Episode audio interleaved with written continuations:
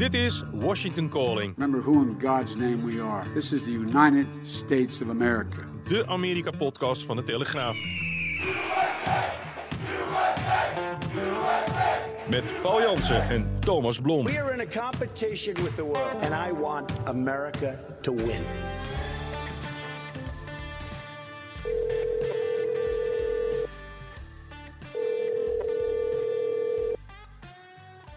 Goedemorgen, Paul. Goedemorgen. Halloween ligt ver achter ons. We hebben nu eindelijk, eindelijk tijd voor, voor de serieuze zaken. En net als we het over serieuze zaken willen gaan hebben, is er weer een opmerkelijke verkiezing geweest in Virginia voor het House of Delegates. En daar deed Suzanne Gibson mee. Hey everyone, it is election day. Polls are open until 7. Um, please come out and vote. Paul, kan je nog even uitleggen wie dat ook alweer was? Ja, mevrouw Gibson, een 40-jarige uh, zuster uit Virginia, was kandidaat voor het, uh, het, het, parlement in, in, de, in de staat. Uh, wierp zich in de campagne op als moeder, echtgenote en, en dus ja, verantwoordelijke vrouw in het ziekenhuis. Stond echt voor family, family values. En toen werd door de Washington Post onthuld dat zij samen met haar man seksfilmpjes streamde op een, uh, een porno-betaalsite. Hmm. En ja, dat, dat, dat sloeg natuurlijk in als een bom. Maar wat gebeurde er vervolgens? Waar je zou verwachten dat een politiek kandidaat dan met de staart tussen de benen afdruipt, ging uh, Suzanne Gibson vol in de aanval. En die beschuldigde de Republikeinse tegenstanders ervan dat zij achter het lekker van het filmpje zaten. Ze noemden het een smeercampagne.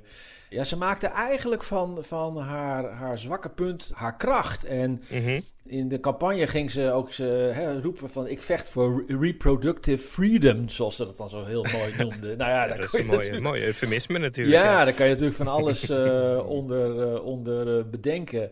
En eh, ja, ze ging ook tekeer tegen de eh, MAGA radicals. En het aardige is dat na die onthulling van, eh, van eh, haar eh, seksfilmpjes de donaties door het dak gingen. Zij heeft Oh ten ja. opzichte van haar republikeinse tegenstrever meer centen binnengehaald.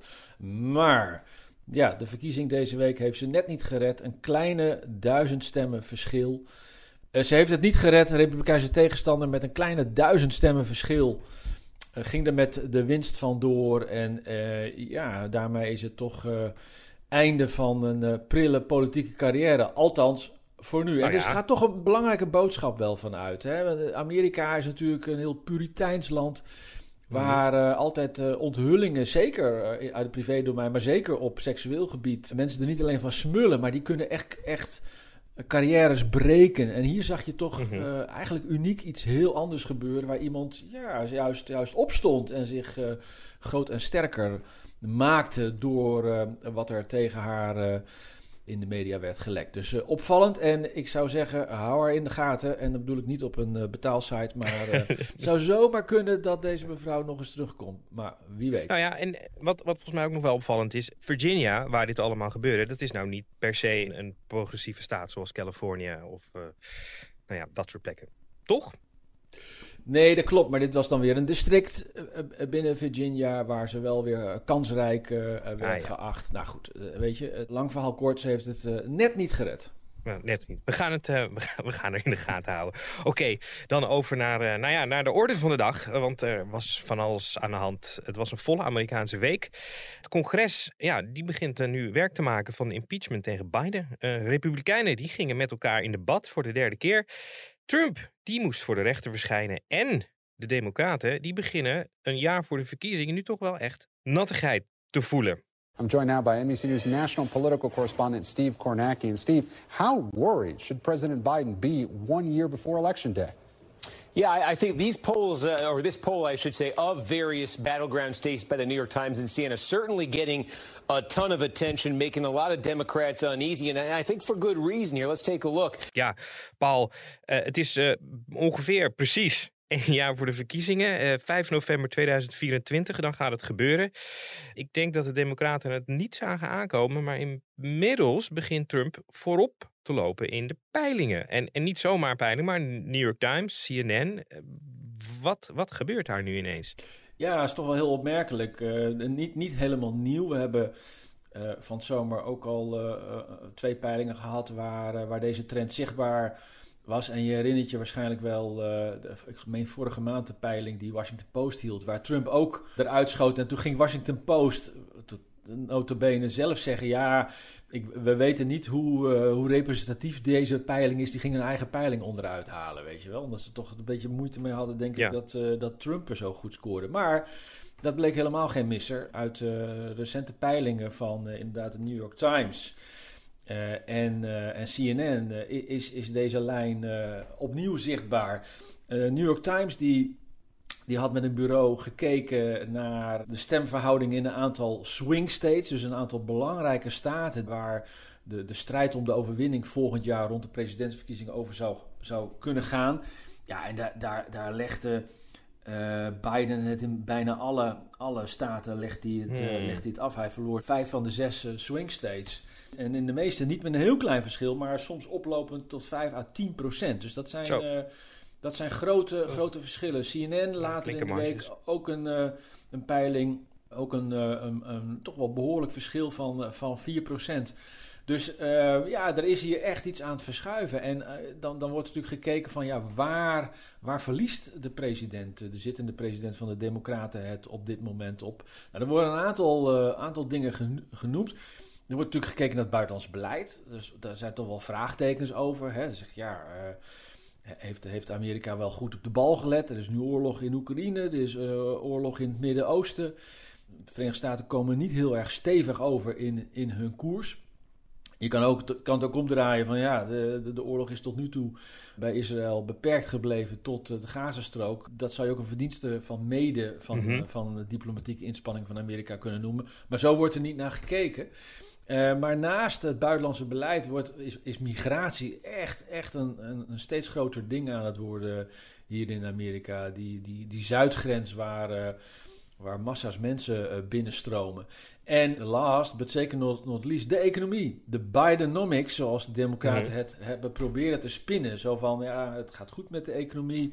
Na corona een sterke groei, lage werkeloosheid. Maar allemaal macro-economische cijfers die best wel, best wel goed uitzien. Maar de mensen kijken dat heel anders naar, want die kijken naar hun portemonnee. En die hebben door de enorme inflatie hier in de afgelopen twee jaar. Hebben die gewoon moeite om rond te komen. Mensen eten hun pensioen op. Je moet je eens voorstellen, de creditcardschuld uh, in dit Mhm. land. Er kwamen deze week weer nieuwe cijfers uit.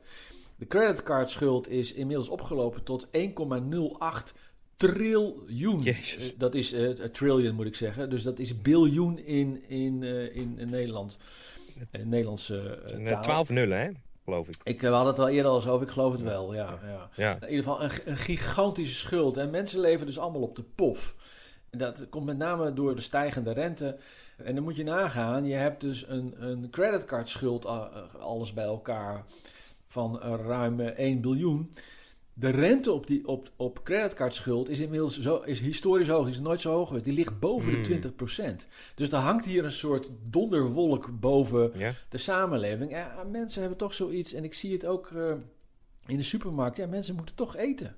Dus je hebt, je hebt niet zoveel keus, maar het is hier eh, knalduur. Mensen voelen het in de portemonnee. En ja, dat wordt natuurlijk als eerste de regering en met name de En- en bewoner van het Witte Huis eh, aangerekend. Wat ik zo pijnlijk vind, is eigenlijk in aanloop nog eh, naar, naar dit moment, was, was heel lang was natuurlijk de boodschap van de Democraten. hè, We, doen, we zetten Biden op de ticket, want dat is de enige man die Trump kan verslaan. Ja, Dat Ja, was heel lang ja. de, de tendens. Daar heb je helemaal gelijk in. Dat is precies de fuik waar de Democraten nu in aan het zwemmen zijn. Uit die peiling deze week eh, kwam er bijvoorbeeld ook naar voren dat 50% van de kiezers zegt dat ze, dat ze sowieso niet op Biden gaan stemmen omdat ze hem te oud vinden. Ja. Eh, eh, dat zie je ook eh, in, in steeds terugkerende beelden, waarbij natuurlijk op sociale media dat allemaal nog eens extra wordt aangezet. De Amerikanen maken zich zorgen. Is, is de commander-in-chief, is hij nog wel fit for office? Hij maakt Ja. toch vaak een wat afwezige, zo niet verwarde, verwarde indruk. Hapert nogal in, in de communicatie. Aan de andere kant, ja jeetje jongens, het is nogal een baan hè, als je, als je in de tachtig bent president van de Ja, Verenigde Staten. het is ook helemaal niet gek dat, dat hij het zwaar heeft. Nee, bedoel, nee alleen, dat- alleen eh, dat- mensen, dat mensen, zeggen. eh, mensen eh, eh, zien een president die niet een, eh, een fitte, sterke, zekere indruk maakt. En ja, de helft van de Amerikanen zegt al, en dan, hebben ze dus nog, dan zijn ze nog niet eens beland bij inhoudelijke politieke termen. Maar die Mhm. zegt, de helft zegt al van, ja, ik, wij willen niet dat deze man nog eh, vier jaar terugkomt.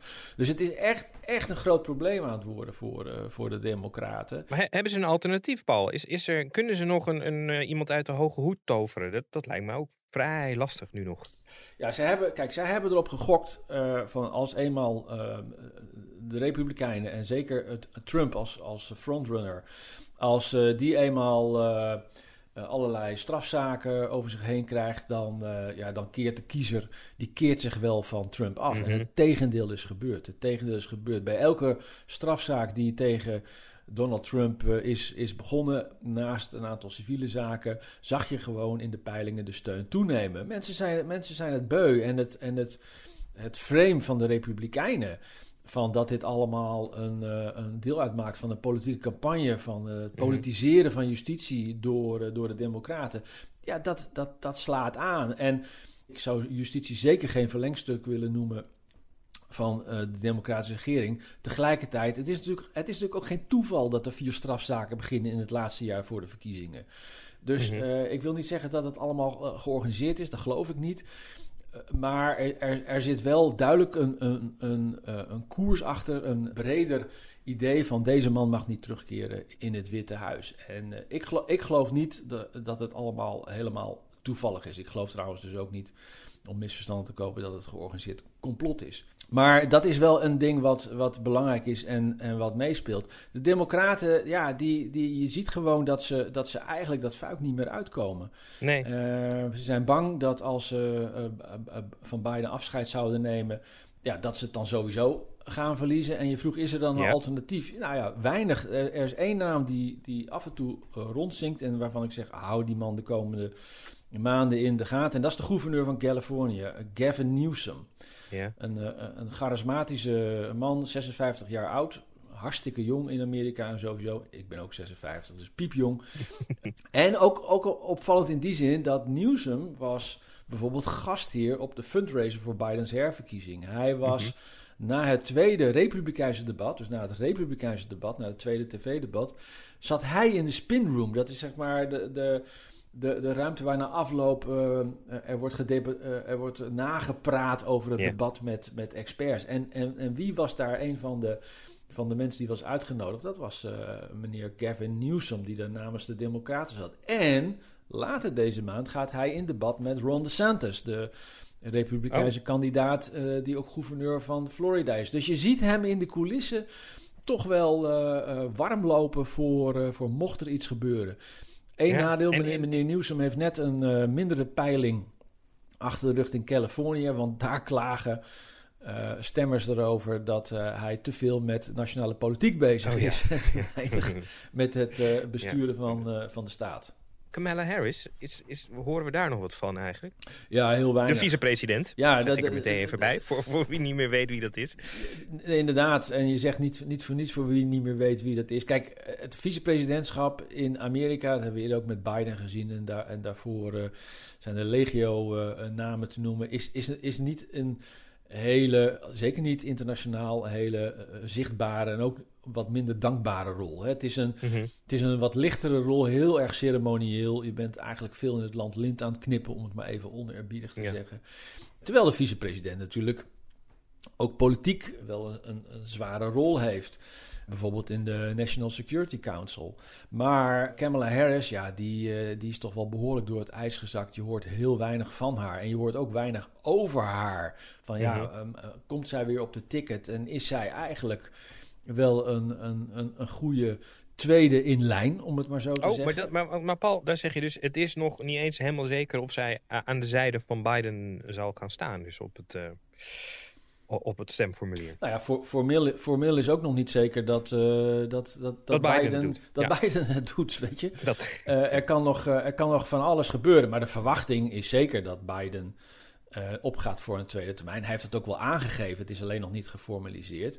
Mhm. En ja, het zou, het zou raar zijn, hè, zeker omdat de Democraten Kamala Harris ja, zo de hemel hebben ingeprezen als uh, eerste zwarte vrouw uh, voor, vice, voor het vicepresidentschap, als ze nu in één keer afscheid van haar zouden, zouden nemen. Ja. Maar zij is nou niet, niet bepaald uh, de aanwinst gebleven en het stemmenkanon gebleken, ge, gebleken nee. wat de democraten van haar verwacht hadden. We have breaking news now. Things are getting heated between former President Trump and the judge as Trump testifies in the civil fraud trial against him, his older sons, and his business. The judge is visibly frustrated with Trump's answers, telling him, quote, this is not a political rally, this is a courtroom.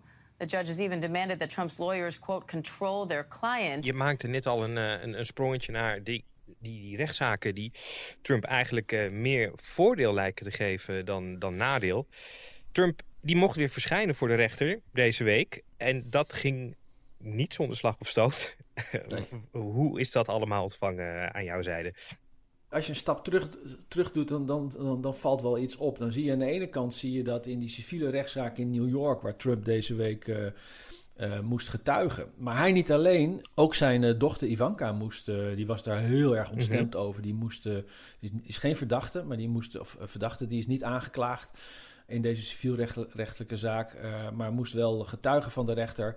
Uh, net als twee zoons van Trump. Dus de hele familie Trump uh, verscheen daar zo'n beetje voor de rechter in de, in de getuigenbank. Wat zie je nou tegelijkertijd gebeuren in het congres, waar, zoals je weet, nog steeds een afzettingsonderzoek loopt tegen de Bidens? Daar hebben de Republikeinen deze week zoon Hunter Biden en de broer van Joe Biden, James Biden, gedagvaard. Dus je ziet nu dat de, de, beide families van de koplopers in mm -hmm. de race om, om het Witte Huis van volgend jaar, die worden met de haren erbij gesleept op verschillende podia, op verschillende manieren, maar het, het, is, het is wel opvallend. En ja, bij Trump deze week in, uh, in die rechtszaal in New York uh, ging, dat, uh, ging dat echt hard tegen hard. Hij kreeg het aan de stok met de rechter. Ja, die rechter die vond dat, dat Trump te weinig antwoord gaf op uh, vragen van de aanklager en te veel uh, politieke speeches hield. En ja, uh, de advocaat, hij riep de advocaat van Trump op om haar cliënt in, in bedwang te houden en korter te houden, zodat hij zou antwoorden op de vragen die hem gesteld worden. En die advocaat die zei van, van uh, ja, misschien is het gewoon uh, uh, beter om, om te luisteren wat mijn cliënt te, te, zeggen heeft. En toen ontplofte mm -hmm. die Angoran, die rechter, rechter Angoran, wat een zonderlinge man is. Maar dat tezijde. En, en sloeg met zijn hand op tafel volgens aanwezigen. Want zoals je weet, er mogen geen camera's zijn. Nee, maar er zitten wel helaas, verslaggevers ja. die, die dat allemaal naar buiten brengen uit, uit de, de perspool, zoals dat zo, dan zo mooi heet. En dat was toch wel een, een opmerkelijk incident. De media hadden daarentegen hier niet zo heel veel aandacht voor, maar vooral aandacht voor, hè, zo werd het althans gezegd, over dat, uh, dat Trump uh, los was gegaan en, en ja. boos was geworden en ontploft. En ja, dat, dat, ja, dat valt mij toch altijd wel weer op hoor. Ik denk, weet je, nou zit daar een rechter, dat is een man van begin 70 en die, die, die schreeuwt tegen een vrouwelijke jonge advocaat.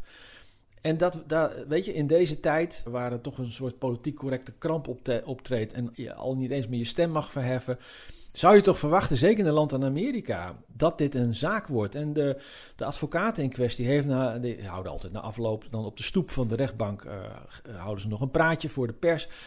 En zij maakte daar ook een punt van en niemand sloeg erop aan. En ik denk van, hmm, zou dat toch ook iets te maken kunnen hebben met het feit dat het Trump is die de cliënt is van deze, van deze advocaat? Mm -hmm. Ik vermoed zomaar van wel. Wanneer gaan we hier eigenlijk vervolgstappen in zien in deze hele zaak?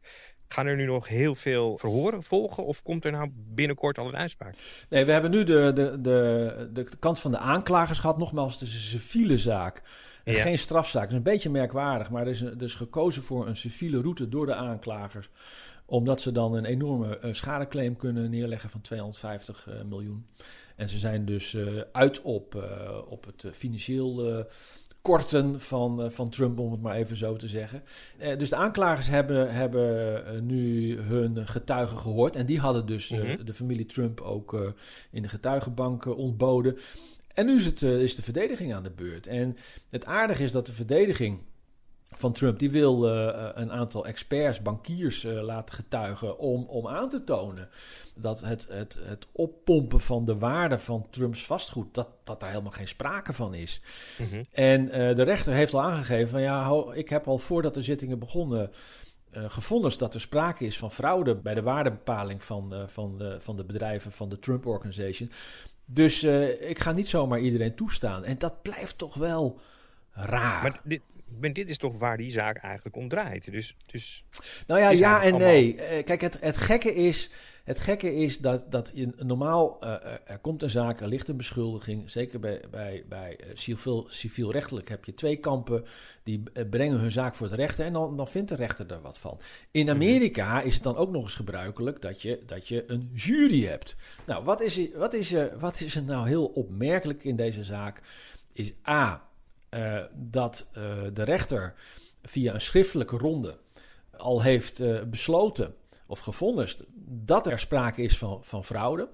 Dus mhm. dat de Trump Organization de waarde van vastgoed veel hoger heeft opgegeven in allerlei jaarverslagen dan feitelijk het geval was. En dat deden ze om goedkopere leningen te krijgen volgens de aanklagers en goedkopere verzekeringen. Het tweede opmerkelijke is dat er geen jury is. Het is de rechter zelf. En Trump klaagt er ook over. Van ja, ik krijg helemaal geen kans hier. Uh, de, voordat de zittingen beginnen ben ik al uh, schuldig uh, verklaard. Of aansprakelijk in dit geval. En er is geen jury, maar de rechter die, die tegen mij is, maar dat roept Trump natuurlijk al heel snel. De rechter die tegen mij is, die, die, die moet ook nog eens bepalen hoe en wat. En, en dat is deze meneer die met zijn hand op tafel slaat. Ja, ja. En al vrij duidelijk is in wat hij waarschijnlijk. Ja, en ook, vergeet niet, is wel Amerika uh, ook een democrat is. Hè? Want uh, ja. uh, net zoals de aanklagers een democrat. En dat is wel, dat is wel heel, heel opvallend. Die Letitia James, de, de, of de, de aanklager die deze zaak is begonnen... die heeft tijdens haar verkiezingscampagne... want zo werkt dat hier een aanklager moet, moet gekozen worden... heeft ze, en daar zijn ook allerlei filmpjes van opgenomen... er een punt van gemaakt dat, ze, dat, dat zij Trump kapot zou gaan maken. En uh, ze noemde Trump een, een, een, eh, een, onrechtmatige president in de tijd dat hij nog in het Witte Huis zat. Ja, dat zijn toch, dat zijn toch wel taferelen die, die bevreemdend werken. Want dan denk je, ja, een aanklager zit daar niet uh, namens een politieke partij, maar een aanklager zit er namens het volk, namens, namens de, de, staat. En waar in Nederland daar veel meer afstandelijkheid en onafhankelijkheid al bij wordt verwacht, zie je dat die twee zaken hier wat meer door elkaar lopen. En dat is, ja, ik blijf me daarover verbazen. Nog één ding hierover, wat ook heel interessant is. Terwijl dit allemaal speelde deze week en uh, de familie Trump met de rechter rollenbollend over straat uh, ging, kwam uh, Bloomberg met de eh, bekende Billionaire Index. Dat is de top 500 van, van de rijkste uh, mensen in Amerika.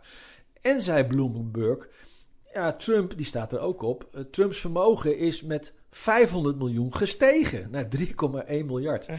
Um, en opmerkelijk is dat bijvoorbeeld Mar-a-Lago, dat resort in Florida van, van Trump...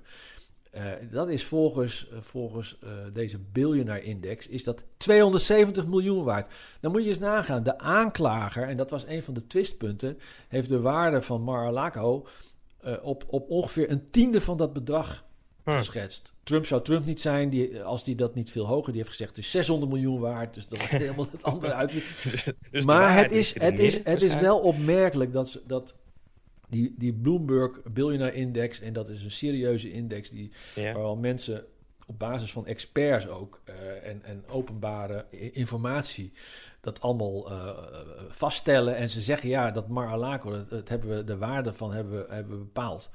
Mede op basis van de onroerend goedmarkt in die regio. Mm -hmm. En als je, dan, als je dan uitkomt op een waarde die tien keer hoger is dan dat de aanklager beweert in een rechtszaak. Hè, want die waarde is dus de basis voor de hele klacht tegen Trump. Yeah.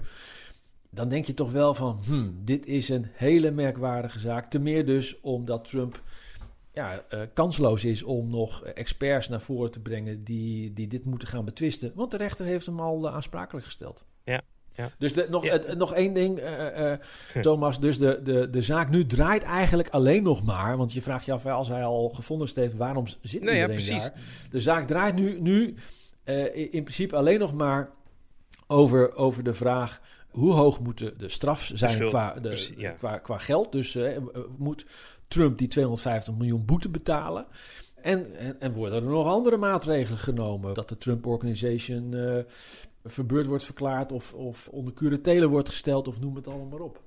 Ja, en daar hadden we het natuurlijk al eerder over ook. Want dat is waarschijnlijk nog wel wat hij het allerergste zou vinden is als hij in zijn, in zijn zakenmanheid eh, zou worden aangepakt en al zijn, zijn bezittingen kwijt is. Ja, Trump is, eh, is, net, is natuurlijk de man van het succes. Hè? Zo, zo zet Ja. hij zichzelf ook neer. Ja, en als je dan eigenlijk gaat vertellen van ja, jij blaast de zaak op en je bent helemaal niet, niet succesvol. Je bent eigenlijk, eigenlijk een mislukking. Je hebt failli- faillissementen, je bedondert de boel, je overdrijft over alles. Ja, dat, eh, dat, doet, eh, dat doet de man zeer pijn. En ik kan me daar ook nog wel iets bij voorstellen.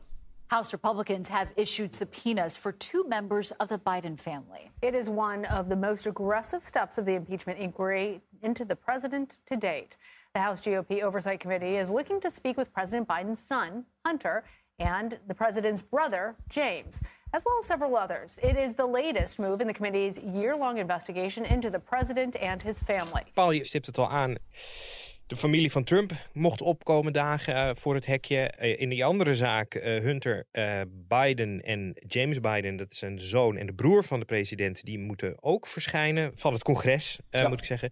Lees jij daar in de media ook over dat mensen misschien dat op een gegeven moment een beetje vervelend beginnen te vinden, dat er via de familie wordt gespeeld? Of is dat helemaal niet een, een zaak? Is dat helemaal niet een kwestie? Nou, dat zijn vooral eh, de familieleden van de Biden zelf natuurlijk, die dat Ja. heel vervelend Nee, dat- vinden. dat begrijp ik, maar- En, en, en in sommige media komt dat wel, komt dat wel aan bod. Wat de kern hier, hierin is, is natuurlijk de zakelijke belangen die zoon Hunter Biden eh, heeft. En eh, hij zit in zaken met de broer van, van president Biden, dus met die James Biden. En dat is precies de reden waarom zij nu voor, eh, voor het Huis van Afgevaardigden eh, moeten getuigen in dat afzettingsonderzoek. Mhm. Het bekendste kritiekpunt wat je, wat je hoort, allereerst natuurlijk van de Democraten, maar daarnaast ook in de media, is zeg ja, die Republikeinen zijn, zijn gewoon een politiek showproces begonnen, want ze hebben nog steeds geen enkel bewijs. Mhm. Er, er werd eh, afgelopen week met twee checks eh, geschermd die gevonden waren, die van James Biden aan zijn broer Joe Biden waren gestuurd van eh, tienduizenden dollars. En dat werd dan een afbetaling van de lening genoemd. En zeiden de Republikeinen: aha, dit is eigenlijk geen afbetaling van de lening, maar dit is een, vergoeding omdat Joe Biden zich voor het zakelijke karretje laat spannen van zijn broer en zijn zoon. Want die, dat, is inmiddels, dat is inmiddels gewoon wel bekend geworden. A. Hunter had een aantal vette baantjes bij dubieuze buitenlandse bedrijven, onder andere in, eh, in Oekraïne.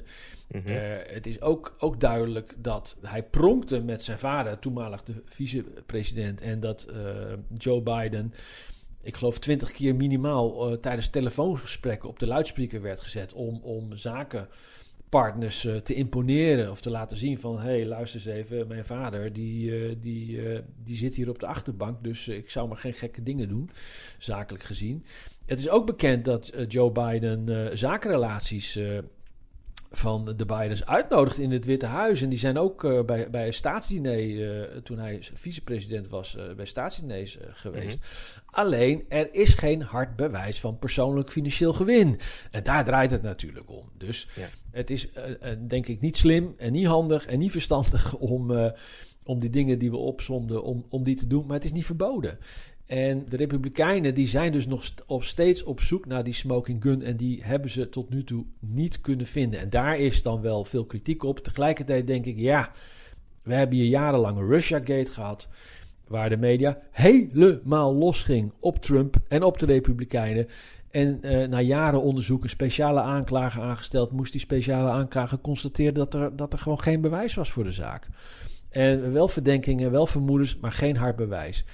Eh, dus ik, het verbaast me aan de andere kant ook wel dat veel media, natuurlijk niet allemaal, maar dat veel media die nu heel hard roepen van ja, dit is een eh, politiek opzetje van de Republikeinen en ze willen wraak en ze zijn alleen maar bezig om, eh, om Joe Biden kapot te maken. Dan denk ik ja, terechte vragen, terechte opmerkingen, maar waar waren jullie toen dit rond Trump gebeurde? En dat is ook Amerika, hè? de polarisatie zit die zo diep, die zit niet Mhm. alleen aan de politiek, eh, maar die zit inmiddels ook in de media. Wanneer, eh, wanneer kunnen we de heren verwachten in het congres? Nou ja, dat is nog maar zeer de vraag of dat snel gaat gebeuren. Hè. We hebben eerder gezien dat eh, mensen die gedagvaard worden om voor die commissie te verschijnen, vervolgens een batterij advocaatinstelling brengen. Ja. En je kan nog zeggen dat je verhinderd bent en zo kan je de boel, de, de boel rekken. Die zakenpartner van Hunter, die afgelopen zomer moest verschijnen, heeft ook drie keer zijn... Uh, Archer was dat, hè? Gewoon. Ja, ja, die heeft drie, Keer, drie keer zijn uh, verhoor uitgesteld. En uh, nou ja, uiteindelijk maar eieren voor zijn geld gekozen. Want ja, de, aan, aan het tijdrekken viel toen niet meer veel te winnen. maar ik vermoed zomaar dat dat hier ook gaat gebeuren. Is there a limit? Is there a point somewhere if the civilian casualties keep adding up or humanitarian uh, goods don't flow, where the administration might change its, its message to Israel. Paul, je mediamoment. Je was aanwezig digitaal bij een pressbriefing van John Kirby, de man, uh, de woordvoerder van de National Security Council. En daar viel je wat op. Ja, even het kader schetsen. Uh, als, als buitenlandse correspondent heb je natuurlijk niet heel erg makkelijk toegang tot, tot ministers, laat staan tot het Witte Huis. maar er is iets zoals een foreign Press Center. En dat is van het ministerie van Buitenlandse Zaken. En die organiseert bij tijd en wijle meetings, uh, soms uh, live, soms digitaal. Met, uh, met Amerikaanse vertegenwoordigers van de regering of met een bewindspersoon. in dit geval werd er, werd er online, dat was de tweede keer in korte tijd, werd er een digitale meeting gepland met, met die John, John Kirby een van de belangrijkste woordvoerders van het Witte Huis. En het onderwerp was, uh, was Israël en het conflict uh, met, met Hamas. Mm -hmm. en, en hoe dat dan gaat, dan uh, Kirby die begint dan en die houdt een praatje van een minuut of vijf... waarin hij een aantal highlights aanstipt hè, van nou ja, minister... Uh, Blinken is, uh, is in de regio en die praat met die en die heeft uh, die boodschap. Hij gaat daarna daarheen, et cetera. Nou, zo, zo vertelt hij wat er, wat, er, wat er gaande is en wat de Amerikanen allemaal, allemaal doen in dit in do dossier. En na een minuut of vijf mogen de media mogen vragen stellen. En het zal je niet verbazen dat dan de, de Amerikaanse pers vooral aan bod komt en wij buitenlandse journalisten mm -hmm. wel onze vinger kunnen opsteken, maar niet zo snel gezien worden door de moderators. Maar er kwamen dus een aantal vragen voor, voor Kirby. En uh, dat ging over uh, de slachtoffers in Gaza onder de burgers. En wat, uh, wat de Verenigde Staten deden om verder bloedvergieten daar te, te vermijden. Het ging over het staakt het vuren waar zoveel over te doen is. Het ging over of Amerikaanse wapens die geleverd worden niet in handen van kolonisten op de Westhoever komen. Nou, en zo ging het maar door. Maar er werden nul vragen gesteld en dat verbaasde mij echt zeker vanuit de Amerikaanse media, er werden nul vragen gesteld over het lot van de gijzelaars. En er zijn notabene mm -hmm. 13 Amerikaanse staatsburgers Er zitten Amerikanen bij, ja. En ik ben nog, ik ben nog opgegroeid met de, het gijzelingsdrama in Iran eind jaren 70, begin mm -hmm. jaren 80. En later hebben we natuurlijk Saddam Hussein gehad, die ook uh, Westerlingen in aanloop naar de Golfoorlog uh, vasthield onder wie Amerikanen. Uh, en en uh, ik weet niet beter dan als er, als er Amerikaanse staatsburgers ergens op de wereld gegijzeld worden, ja, dan, dan, dan, dan heb je de pop aan het dansen. Nou, weet je wel? Het, het kostte de kop van, uh, van president Jimmy Carter zelfs. Min of meer. Ja, door die mislukte reddingsoperatie. Ja. Maar inderdaad, het was een politiek, was het, uh, was het uh, een molensteen om de nek van Carter in die, ja. in die verkiezingen tegen, tegen Ronald Reagan. We hadden natuurlijk in die tijd geen Amerikaanse zenders in, in Nederland. Maar ik heb er nog eens naar teruggekeken. Je had toen drie grote national networks ten, ten tijde van die Iran hostage crisis. En die hadden een dagelijkse obsessie met, met uh, die gijzelingskwestie. en er werden ook kalenders elke dag in beeld gebracht. Van het is dag 154 van de gijzelingsdrama in Iran. Ja. Snap je dat? Dus dat geeft een beetje... Mensen, mensen waren daar heel erg bij betrokken. Ja. En nu zit je op zo'n persconferentie met Amerikaanse journalisten... en er is niemand, niemand die vraagt naar... hoe zit het eigenlijk met... Zit er nog beweging in in, uh, in het vrijkrijgen van die gijzelaars, onder wie dus uh, staatsburgers uit Amerika. En, en dat viel zo op dat John Kirby zelf op een gegeven moment er ook genoeg van had. En, en, en, en, en zei, weliswaar op diplomatieke manier, die zei van ja, uh, luister mensen, laten we, nou, laten we nou niet vergeten, het is nog maar een maand geleden dat Hamas uh, Israël introk en daar een slachting, een bloedbad aanrichtte uh, op, op, een, op een wijze zoals, uh, zoals niet eerder is vertoond. En het, het feit dat dus de woordvoerder van de Nationale Veiligheidsraad in het Witte Huis zelf de pers eraan mm -hmm. moest herinneren wat er een maand geleden gebeurde, ja, vond ik zo treffend voor het sentiment hier. Je ziet het ook in in, in de media en in, in de hele berichtgeving terug. Je ziet, je ziet, en dat was eigenlijk ook, ook de noodkreet van Kirby. Het is voor Israël en ook voor Amerika, die pal naast Israël staat als, als trouwe bondgenoot, is dit een PR-drama. Mhm. Eh, elke dag eh, wordt, wordt het erger. Je ziet de protesten op straat oh, die pro-Palestijns zijn overwegend. Maar als ik naar de mediaberichtgeving kijk, dan, dan denk ik... eh, het meest opmerkelijke bericht wat ik afgelopen week eh, eh, of afgelopen weken heb gezien over eh, die ruim 200 mensen die, eh, van 25 nationaliteiten die, die worden vastgehouden door die terroristen van Hamas. Dat was een advertentie. Dat was een advertentie in de Wall Street Journal. Een pagina grote advertentie betaald eh, door de Hostage and Missing Family Forum, waarin stond. Eh, speak up, breng ze thuis. Eh, eh, Ja. 240 onschuldige mensen nog altijd vastgehouden in Gaza. En, ik, en daar stond dan boven in een regeltje eh, dat het be- een betaalde advertentie betrof. En ik vond het buitengewoon pijnlijk. Dat is inderdaad wel een samenvatting van, eh, van de merkwaardige situatie die het eh, nu oplevert. Paul, volgende week, waar gaan we op letten? Ja, hou de portemonnee vast, want vrijdag 17 november is er opnieuw een deadline eh, voor de federale begroting.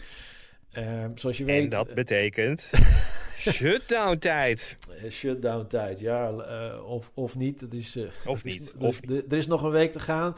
Eh, maar e- even terug. De vorige voorzitter van het Huis van Afgevaardigden, Kevin McCarthy, hikte ook tegen een deadline aan. En had toen op de valreep een deal gesloten met de Democraten om, eh, om eh, die shutdown, dus om eh, een sluiting van de federale overheid met alle gevolgen van dien, om dat te voorkomen. Mhm. Maar hij had toen een tijdelijke oplossing gevonden. Namelijk uitstel voor 45 dagen. En die 45 dagen die zijn volgende week vrijdag op. Dus er komt voor de nieuwe voorzitter in het, in het huis een, een nieuwe deadline. Ja, en het is volstrekt onduidelijk eh, of er eh, in de komende week een, eh, alsnog een akkoord wordt gesloten Ja. om te voorkomen dat de federale overheid alsnog dicht gaat. En, en even nog, deze meneer, deze nieuwe voorzitter van het huis, die ligt niet heel lekker met de Democraten. Nee, hij is, hij, hij, hij is van, de, van de rechterflank. Hè? Hij is een, Precies. een, een, een Trump-getrouwe republikein. eh, is er ook al eh, met gestrekt been ingegaan eh, in, eh, in het overleg. eh, want het, het voorzitterschap hier in het Huis van Afgevaardigden is echt een, echt een, leidende politieke rol. En eh, hij is ook al de confrontatie aangegaan met, eh, met Biden, met de president, met het Witte Huis.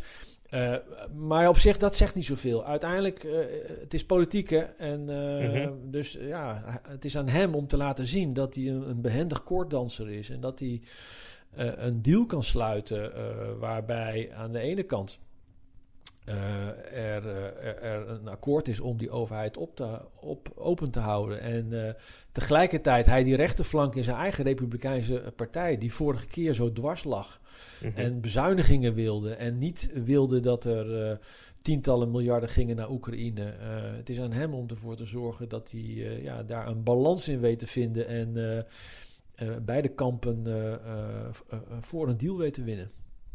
Het wordt, eh, wordt absoluut spannend. En inderdaad, wat je al zegt, het gaat niet alleen over wat er uitgegeven wordt eh, voor de Amerikanen zelf, maar ook in Oekraïne zullen ze, denk ik, eh, gespannen meekijken.